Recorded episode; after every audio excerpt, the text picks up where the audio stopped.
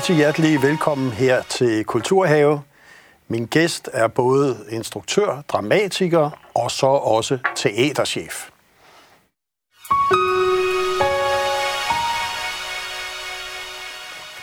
Rigtig hjertelig velkommen, Anna Malser, teaterchef Mongo Park. Og øh, når jeg siger sådan, du er den nye i klassen, eller den nye stemme, så passer det jo, for du blev jo teaterchef her i 19. Ja. Og det var fra, nogen kalder et drengerøvsteater, du så lige pludselig skulle være chef for. Ja. Kan du sætte nogle ord på, hvad, hvorfor vil du gerne være chef? Nu kan man sige så unge alder, som, som du har. Jamen, det er jo et drengerøvsteater, Ja, ja, Park. Og jeg er måske også lidt selv en drengerøv, for så vidt. Så jeg tror også, det var derfor, jeg gerne ville være chef lige der. Altså, det er jo, det er jo Nikolaj Søderholm og Martin Lyngbo og, og, og en masse andre, men det er ligesom de to, jeg, jeg har hæftet mig ved. Og, og det, de har til fælles, er jo sådan en sådan lidt naiv tro på, at de kan alt i verden. Øh, og, og det her med at have en meget lille, skrabet, ikke særlig prangende scene, som faktisk slet ikke er meningen skal være en scene, ikke? og alle får ondt i ryggen af at sætte lys op, og, og publikum kan, når det er maj, får de øh, slagtilfælde, fordi det er så varmt, og altså, scenen er enormt smal, og det er ikke særlig, faktisk, det er ikke særlig fedt rum, egentlig, men, men de har ligesom insisteret på at have det her lille, dårlige teaterrum, men så putte de største fortællinger derind. Ikke? Og i et, i et teatersprog, som har, har været folkeligt, det er jo sådan et fyord nu på nogle slæber, og på andres er det jo nærmest sådan religiøst. Jeg forholder mig ikke til alt det der, men, men det jeg i hvert fald har kunne se Mongo Park var, også før jeg kom til, det var, at du falder ikke i søvn der. Du, du har det ret... Øhm, øh, du, du er underholdt. Og, og det kan være så banalt at sige, men, men jeg er i hvert fald aldrig faldet i søvn på Mongo Park, og det er jeg faktisk et par andre steder, desværre. Så, så, så jeg, øh, det der energiniveau, som, som de har, har haft, kunne jeg spejle mig rigtig meget i, selvom jeg er et andet køn. Øhm, så, så de drenge der, kunne jeg spejle mig mest i. Øhm, og derfor så var det der, jeg søgte. Øhm, der var mange andre teatre, jeg har kæmpe stor respekt for, som jeg ikke havde søgt. Øhm, Og du kom ligesom fra Teater Momentum ja. før det. Øh, så man kan sige, at dit CV ultra kort egentlig. Ja, ja, jeg Ja. var jo lige blevet fyret, men det bliver man. øh, man blev fyret, og det var ikke, fordi jeg var dårlig, øh, men man er ansat et år, og så kan du ligesom gøre lige, hvad du vil, og så må det ligesom briste eller bære. Og hvis det bærer, så er det bare dejligt, for så kan du bruge det bagefter, og hvis det brister, så er de heldige, de kan fyre dig ved udgang af sæsonen. Øh, efter sådan tro på, at en, en teaterchef er bedst sin første sæson. Og den deler jeg på en måde, og på en måde deler jeg den ikke, fordi jeg vil mene, at vi faktisk hæver niveauet år efter år på Mungo.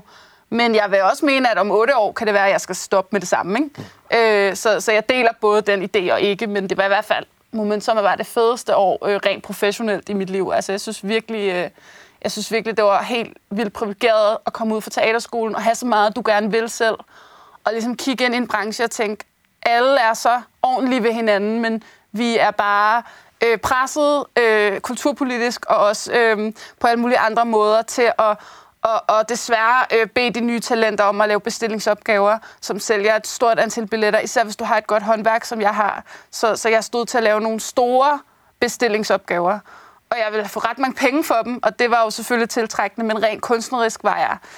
Øh, kunne jeg virkelig mærke, at jeg skulle kæmpe for at finde ud af, hvorfor er det mig, der skal lave det her? Hvorfor er det ikke en, der faktisk interesserer sig for det her stof? Øhm, så Momentum var bare sådan en gave, der kom, fordi jeg fik lov til at lave det, jeg selv ville. Ikke? Og det kan man sige, det får du så også lov til på Mongo Park. Det at skulle løfte arven efter nogle drengerøve, som man kan sige er forholdsvis etableret og faktisk har en stor position.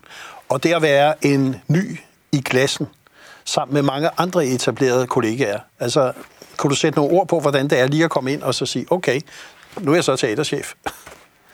Øhm, det er jo sådan, altså, det er svært at sætte ord på, synes jeg, fordi, fordi øh, jeg blev jo modtaget sådan øh, meget øh, øh, vildt egentlig af pressen. Altså ikke for sådan at sætte mig selv op til et eller andet, men jeg, jeg er nok den, der har været mest i pressen af teaterchefer, fordi jeg nogle gange lavede jeg presse 6-7 gange om ugen, øh, og var med i alle mulige mærkelige ting, at der ikke havde noget med teater at gøre, som bare var sådan, hvad for en deodorant bruger du nærmest, ikke? I et eller andet dameblad. Og det er jo, det er jo, øh, det er jo ret overvældende at gå fra øh, at arbejde, øh, og, altså det her med at arbejde med et smalt kunstmedie, hvor du ikke bliver sådan, altså kastet i medierne. Det gør vi jo ikke i teaterbranchen. Det ville være fedt, hvis vi gjorde noget mere, men der, der er et eller andet, der gør, at teater ikke er så sexet at snakke om på en eller anden måde. Desværre. Øh, og, og det, øh, det, det blev jeg kastet ud i, og vi, der blev lavet et dokumentarprogram, fire afsnit på DR. Sådan, og, og det var sådan, det der med både at skulle have en fuldtidschefstilling, og, og være sådan lige så meget i pressen som en semikant politiker måske. Jeg var også i debatten flere gange, og pludselig skulle jeg have holdninger til en masse kulturpolitisk, politisk på alle mulige andre måder, øh, livsstilssynspunkter, øh, gode råd til mennesker med problemer. Altså du ved, hvor jeg var sådan, jeg er lige sådan der landet i og taget mig en uddannelse, det er jeg rigtig stolt af. Nu er jeg i gang med at bruge den, og jeg har et fuldtidsjob. Så, så det er nok det her med medierne, der faktisk har været mest overvældende, for det der med at være den nye pige i klassen, eller hvad, hvad man skal kalde det. Jeg ved ikke engang, hvor meget jeg egentlig har oplevet det, fordi jeg føler bare, at jeg har været i alle råd og gjort min ting. Jeg har ikke mødtes, jeg, jeg er heller ikke til sådan, jeg har det svært med sådan nogle netværksting, øh, der handler om teater. Jeg har det meget let med netværksting, der er tværæstetiske, eller øh, baseret på noget tematisk, man taler om. Men, men bare det der med at sidde og tale sammen om noget, hvor man aldrig rigtig øhm, kommer videre en sidste års forsamling. Og det jo gælder jo alle brancher.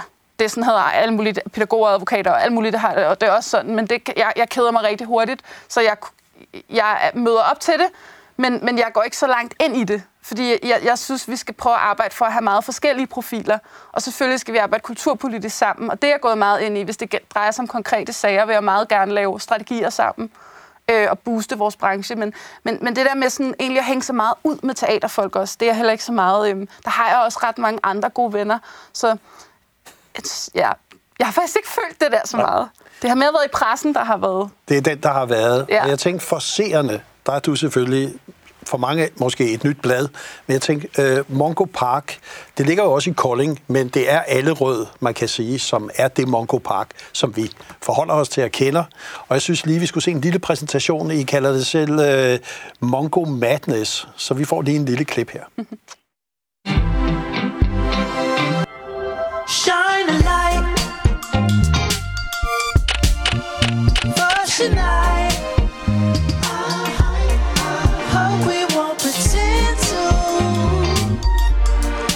Ships passing in the night. Ja, bare lige for at vise seerne, at der er meget andet end teater. Det øh, kunne man også se her. Øh, er det også en, en naturlig strategi for dig, at teater er andet end bare teater om aftenen? Ja, altså for mig er teater jo et hus, hvor man øh, forsamles på alle mulige måder. Øhm, og, og jeg er jo meget sådan ligesom så mange andre teaterfolk, jeg kan ret godt lide at tage til nogle af de andre europæiske store byer og se, hvordan de gør det der. Og der er de rigtig gode til, for eksempel i Tyskland, øh, og, og bare sige, at om, om, nat, om aftenen er vores teater en natklub en gang imellem. Øh, og, og nogle gange er vores teater et diskussionssted for benhård politisk debat, og nogle gange er vores teater altså en, en, øh, en folkemiddag. Altså, og det, øh, det har ikke været en strategi, det har bare været en selvfølge, at selvfølgelig skal vi, skal vi holde nogle nogle fester og præsentere nogle musikere, som taler ind i vores repertoire, øh, tematisk eller identitetsmæssigt. Eller, altså, ja. Og repertoireet, der har vi nogle eksempler på, hvad det egentlig er, I har spillet og skulle spille osv., for det har jo været i corona-år og så videre.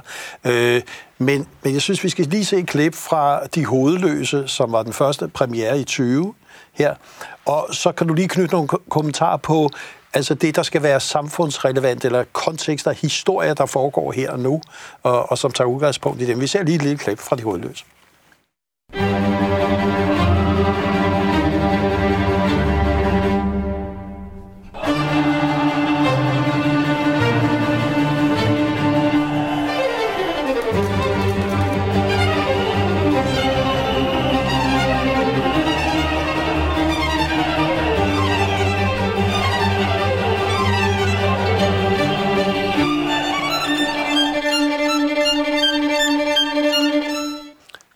Anna Mans, altså som de gule veste og Frankrig, kan vi jo godt sige, var udgangspunktet her for de hovedløse.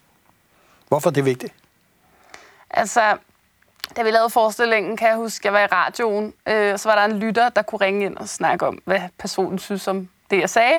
Og så sagde, øh, jeg tror, det var en kvinde, som sagde, hvad rager det mig i Randers? Og det synes jeg var ret skønt.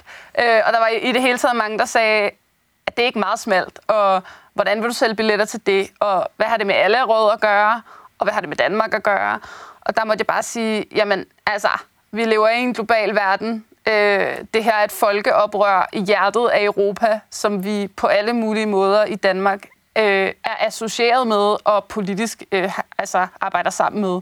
Øhm, og, og, og vi bliver nødt til, vi kan ikke kun, når vi har brug for at holde sammen, sige, vi er øh, Vesten. Øh, vi bliver også nødt til, når der sker noget andre steder i Vesten, som måske øh, peger på, at der er noget galt i Vesten, så bliver vi også nødt til at kigge på det kritisk. Vi kan ikke bare tage den ene del uden at tage den anden. Så for mig er det ekstremt relevant for alle danskere, hvad der foregår i Frankrig. Og det kan jo være på forskellige niveauer. Der kan jo være nogle mennesker i nogle danske forsteder, som trods det er et anderledes system i Danmark, velfærdssystemet er langt mere velfungerende, måske kan genkende det her udenforskab, måske kan genkende det her med at være ansat i en multinational kæde, hvor du tjener ekstremt lidt, men du er den, der laver øh, det allerhårdeste arbejde.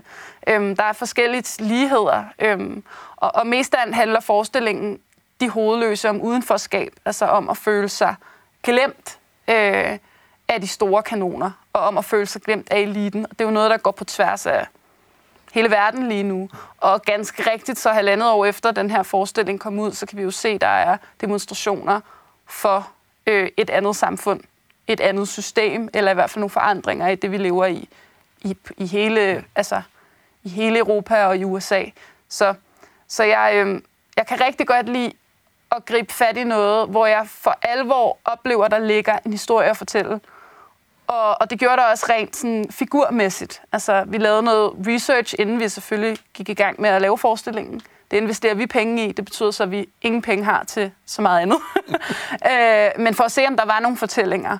Og vi sendte en dramatiker til, til Paris for at tale med mennesker. Og vi fandt nogle utrolig øh, specifikke mellemmenneskelige dilemmaer, som vi gerne ville tale om. Blandt andet politiets dilemma i de her demonstrationer som var, at der var rigtig mange udkantsfamilier, hvor hele familien var med i de gule veste gik, gik op i det. Og hvis der så var en politimand i familien, så ødelagde det simpelthen øhm, strukturen i familien meget, meget hurtigt, fordi politiet er sat, sat øh, foran regeringen på at få det her stoppet, og også med brutale midler. Så, så det dilemma, synes vi var ret øh, shakespearsk nærmest. Det er sådan, mm. faktisk et ekstremt dramatisk øh, dilemma, øh, som kunne være en DR-serie, øh, eller Matador, eller, eller et Shakespeare's drama, at der er to brødre. Ikke? Og, og vi har selvfølgelig fiktionaliseret, og det er ikke med udgangspunkt i to specifikke personer, men, men at få øje på det dilemma, synes jeg var grobund for meget, meget øhm, øhm, spændstig dramatik. Øh, så jeg kigger ligesom hele tiden efter, ja, det skal være samfundsrelevant, men jeg hader jo temateater. Eller hader, det er bare ikke min kop te. Jeg synes, det, det er ikke der, jeg finder brændstof selv. Der skal også være en, en Shakespearesk stor konflikt, ikke? Øhm, og det var der her. Så det var ligesom de to grunde. Og så tænkte jeg, øh, tatovering. Ja. En helt anden form for historie. Måske også mere personlig, men, men også en, en meget vigtig historie. Jeg synes lige, vi skal se traileren for forestillingen, og så kan du lige fortælle, hvorfor den har nogle, skal vi sige, spændende dimensioner.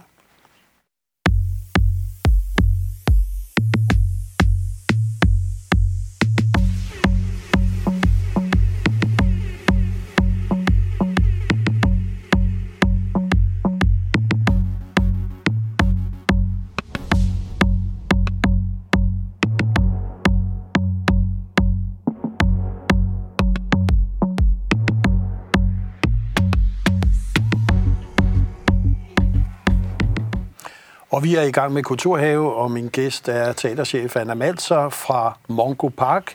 Og vi er i gang med at snakke om de væsentlige og vigtige historier og fortællinger.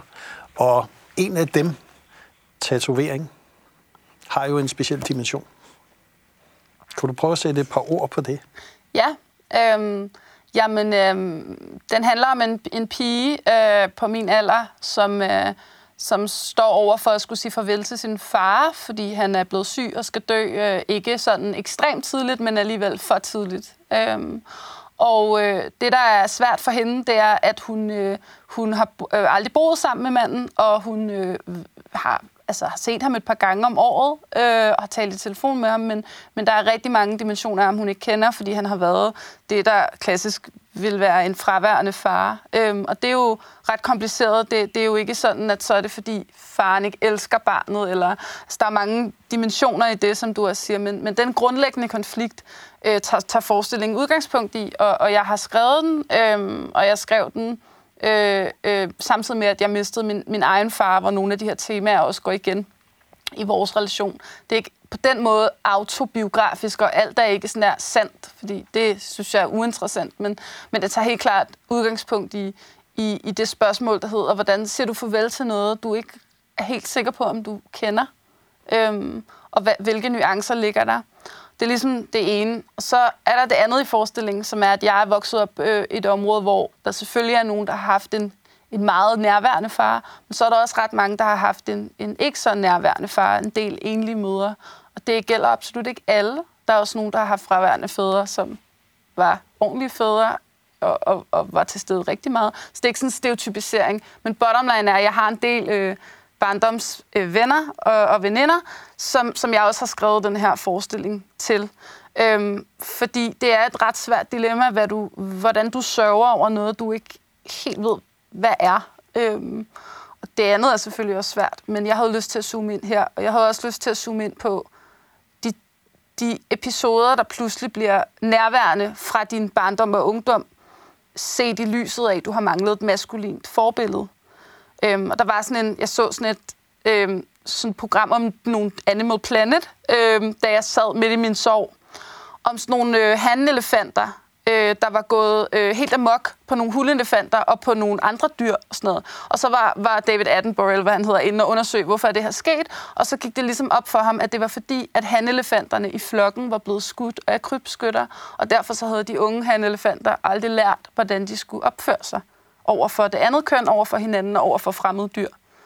Og det er sådan banalt, men, men det var også noget, der gav mig lyst til at skrive forestillingen, fordi det her med fraværet af det maskuline øh, har, har, har betydet ret meget for, for, øh, for mig, øh, og kommer også til at betyde det i min fremtid, for det kan være svært at navigere i, hvad der, hvad der er ens eget forhold til det, hvis man ikke har haft et, et nærværende forbillede. Øh, og det er jo, ja, noget, jeg tror kan, kan, kan, kan betyde noget for mange, så derfor lavede jeg forestillingen. Ja.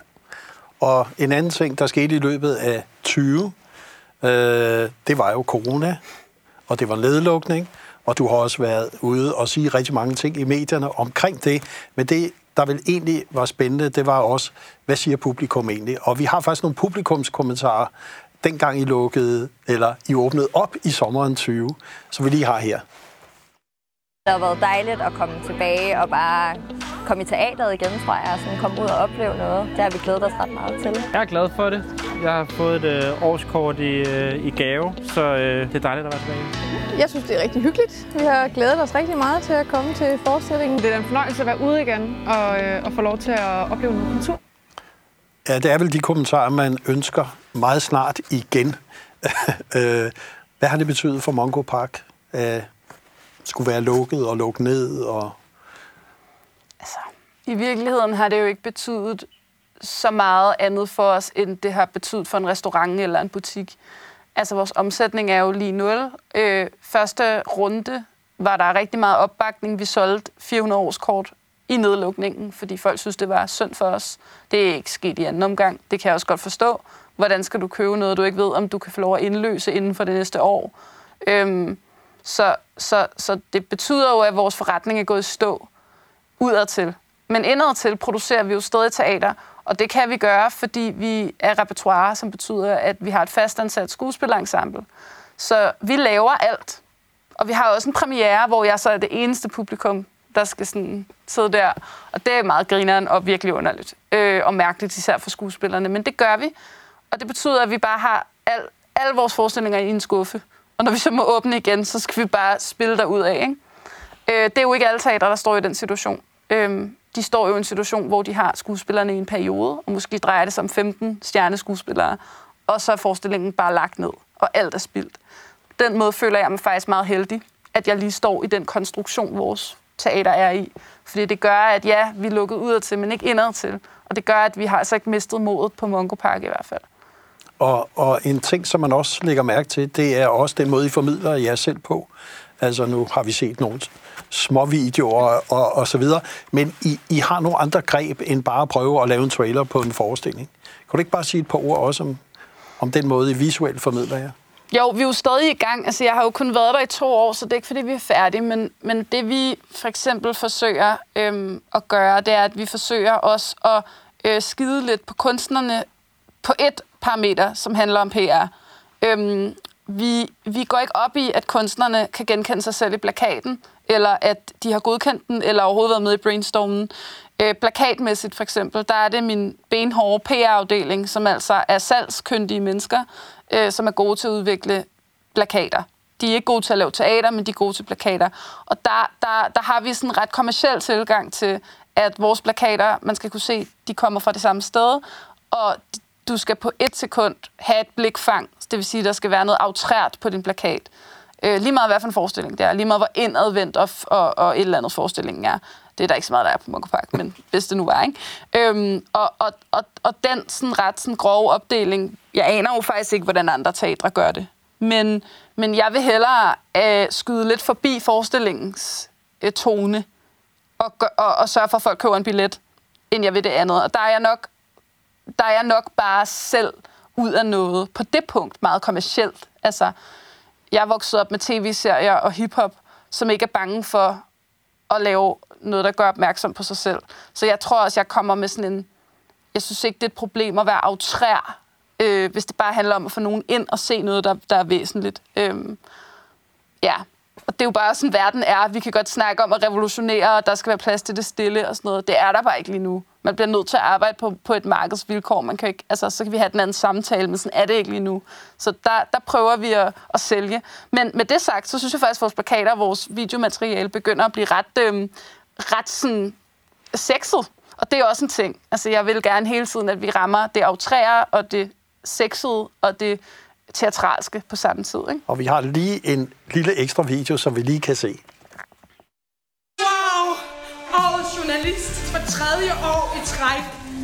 Smuglerne siger, at de kan få dem over grænsen, men det koster 20.000 dollars. Hvad er det der? Er det et menneske? Vi begynder at gå mod USA. Jæger tænker på Trumps forræderi. Der kommer ikke nogen mur. Måske bliver det her Jægers chance for at gøre America great again. Fed tekst. Det der sidste skud, det er helt utroligt. Det går lige i hjertet, det gør. Altså det der sidste skud, jeg synes... Jeg tror, jeg kommer til at vinde en pris for den her artikel. Ja, en video fra forestillingen Spejlmanden, som også, man kan sige, et eksempel på det, vi snakker om, formidling af, af på en helt anden måde, end vi normalt ser teater. Øhm, jeg tænkte på, hvis vi nu kigger lidt fremad, øh, nu genåbner Danmark måske snart, øh, hvordan ser du egentlig teateret, scenekunsten? Den, den bliver jo også her 300 år næste år og så videre. Det er jo en gammel kunstart. Ser du, at der er for dig også, og for mange af de unge, der kommer på Mongo Park, en platform, som er relevant? Som... I den, ja, i den grad. Altså, øhm, jeg, jeg synes, man kan tale om, at teateret er 300 år gammelt, når man spiller 300 år gamle tekster. Det skal man gøre. Det er en del af kulturarven. Jeg vil ikke blande mig i det. Det er bare ikke det, jeg gør. Øhm, teateret er ikke 300 år gammelt, når du står med nogle af de forestillinger, vi lige har set eksempler på nu. Så er teateret jo spritnyt. Musikken er jo også hvad, 500.000 år gammel. Altså, så det er jo underligt at snakke om. Det er jo kun i forhold til filmen. Og det er der, teateret har et problem, teateret skal løse. Vi, øhm, og igen er det ikke alle, jeg snakker om, men vi har jo i hvert fald traditionsmæssigt en skandinavisk skuespiltradition, hvor vi i rigtig mange år, øh, i hvert fald mange steder, har fokuseret på det naturalistiske teater, altså hvor man ikke har kontakt til publikum, og hvor det drejer sig om at finde det nærværende og ægte. Problemet er bare, at det nærværende og ægte på en scene er røvkedeligt, fordi du ikke kommer tæt på. Så teateret er ligesom nødt til, i min verden, at forholde sig til det teater øh, og forholde sig til, at, at det er lige meget, hvad skuespilleren i, i princippet føler, for du kan ikke rigtig se det, med mindre at det er noget meget specielt, meget intimt, øh, hvor der er et publikum, og hvis det var os to, der lavede teater, ville jeg måske kunne se, hvad du følte. Men, men, men, men teateret har et opgør med filmen, og, og vi skal stoppe med at prøve at sammenligne os selv altså med film. Vi har sådan dårligt selvværd på teateret i forhold til film. Og, og det synes jeg er enormt ærgerligt, for teateret er bare noget helt andet. Øh, og, og, og, og der synes jeg, at vi, vi skal ind, fremtidens talenter skal ind og dyrke det her, og det ved jeg, at vi gør, og det er der faktisk rigtig mange, der er optaget af. Øhm, med det sagt, er jeg faktisk også et, selv et nyt publikum. Altså, jeg, jeg er ikke gået i teateret hele mit liv, og, og jeg ved også, der findes masser af absurd teater, men det er jo hen i sådan mere avantgarde genre, som også kan være snæver og, og aflæse. Øhm, og, og, og så er der også andre teaterformer. Det Shakespeare skal jo udadvendt, men det er 300 år gammelt. Så, så jeg synes, vi skal, vi skal ligesom finde nutidens Shakespeare. Ikke? Vi skal finde ud af, hvordan bliver det... Shakespeare var jo meget sexet dengang. Det var jo sådan helt vanvittigt øh, spændende og sexet og forbudt og alt muligt. Øh, og så var det også meget samfundsrelevant samtidig. Så vi skal finde ud af, hvordan vi gør det i vores nutid, og hvordan vi får det til at ligne film så lidt som muligt. Så, så, så der er jo nogen, der er på den vogn, der handler om tværestetiske medier og det digitale, og vi må tage det ind. Og jeg er sådan, det skal så langt væk som muligt. Fordi vi kan ikke konkurrere med det. Det bliver aldrig lige så godt som en film. Altså, og jeg har det sådan, at hvis man gerne vil have film, så må man blive filminstruktør. Altså, men det er bare min mening. Der er jo masser, der laver noget meget fantastisk tværæstetisk arbejde, og også i andre lande og sådan noget. Men, men jeg er ikke på det. Jeg synes, man må skille de to ting ad, så må man finde selvtilliden i sit eget. Og, og så kunne du jo se på den video, vi havde der, altså nu var der mange unge publikum bare den aften, og, og, og, og jeg fornemmer, at, at, at det her med de unge talenter, som udtrykker sig på en teatralsk måde, som du kun kan få i teateret, det, det vil de unge gerne, øhm, og de ældre vil det også gerne, men, men vi må ligesom finde ud af, hvad der er særligt ved os spillestilsmæssigt. Og vi glæder os meget til at følge, følge dig og alle de talenter, du kommer til at tiltrække, og hvad der sker fremover. Og vi er fuld af håb for dansk teater. Tak fordi du kom her i Kulturhavn. Selv tak.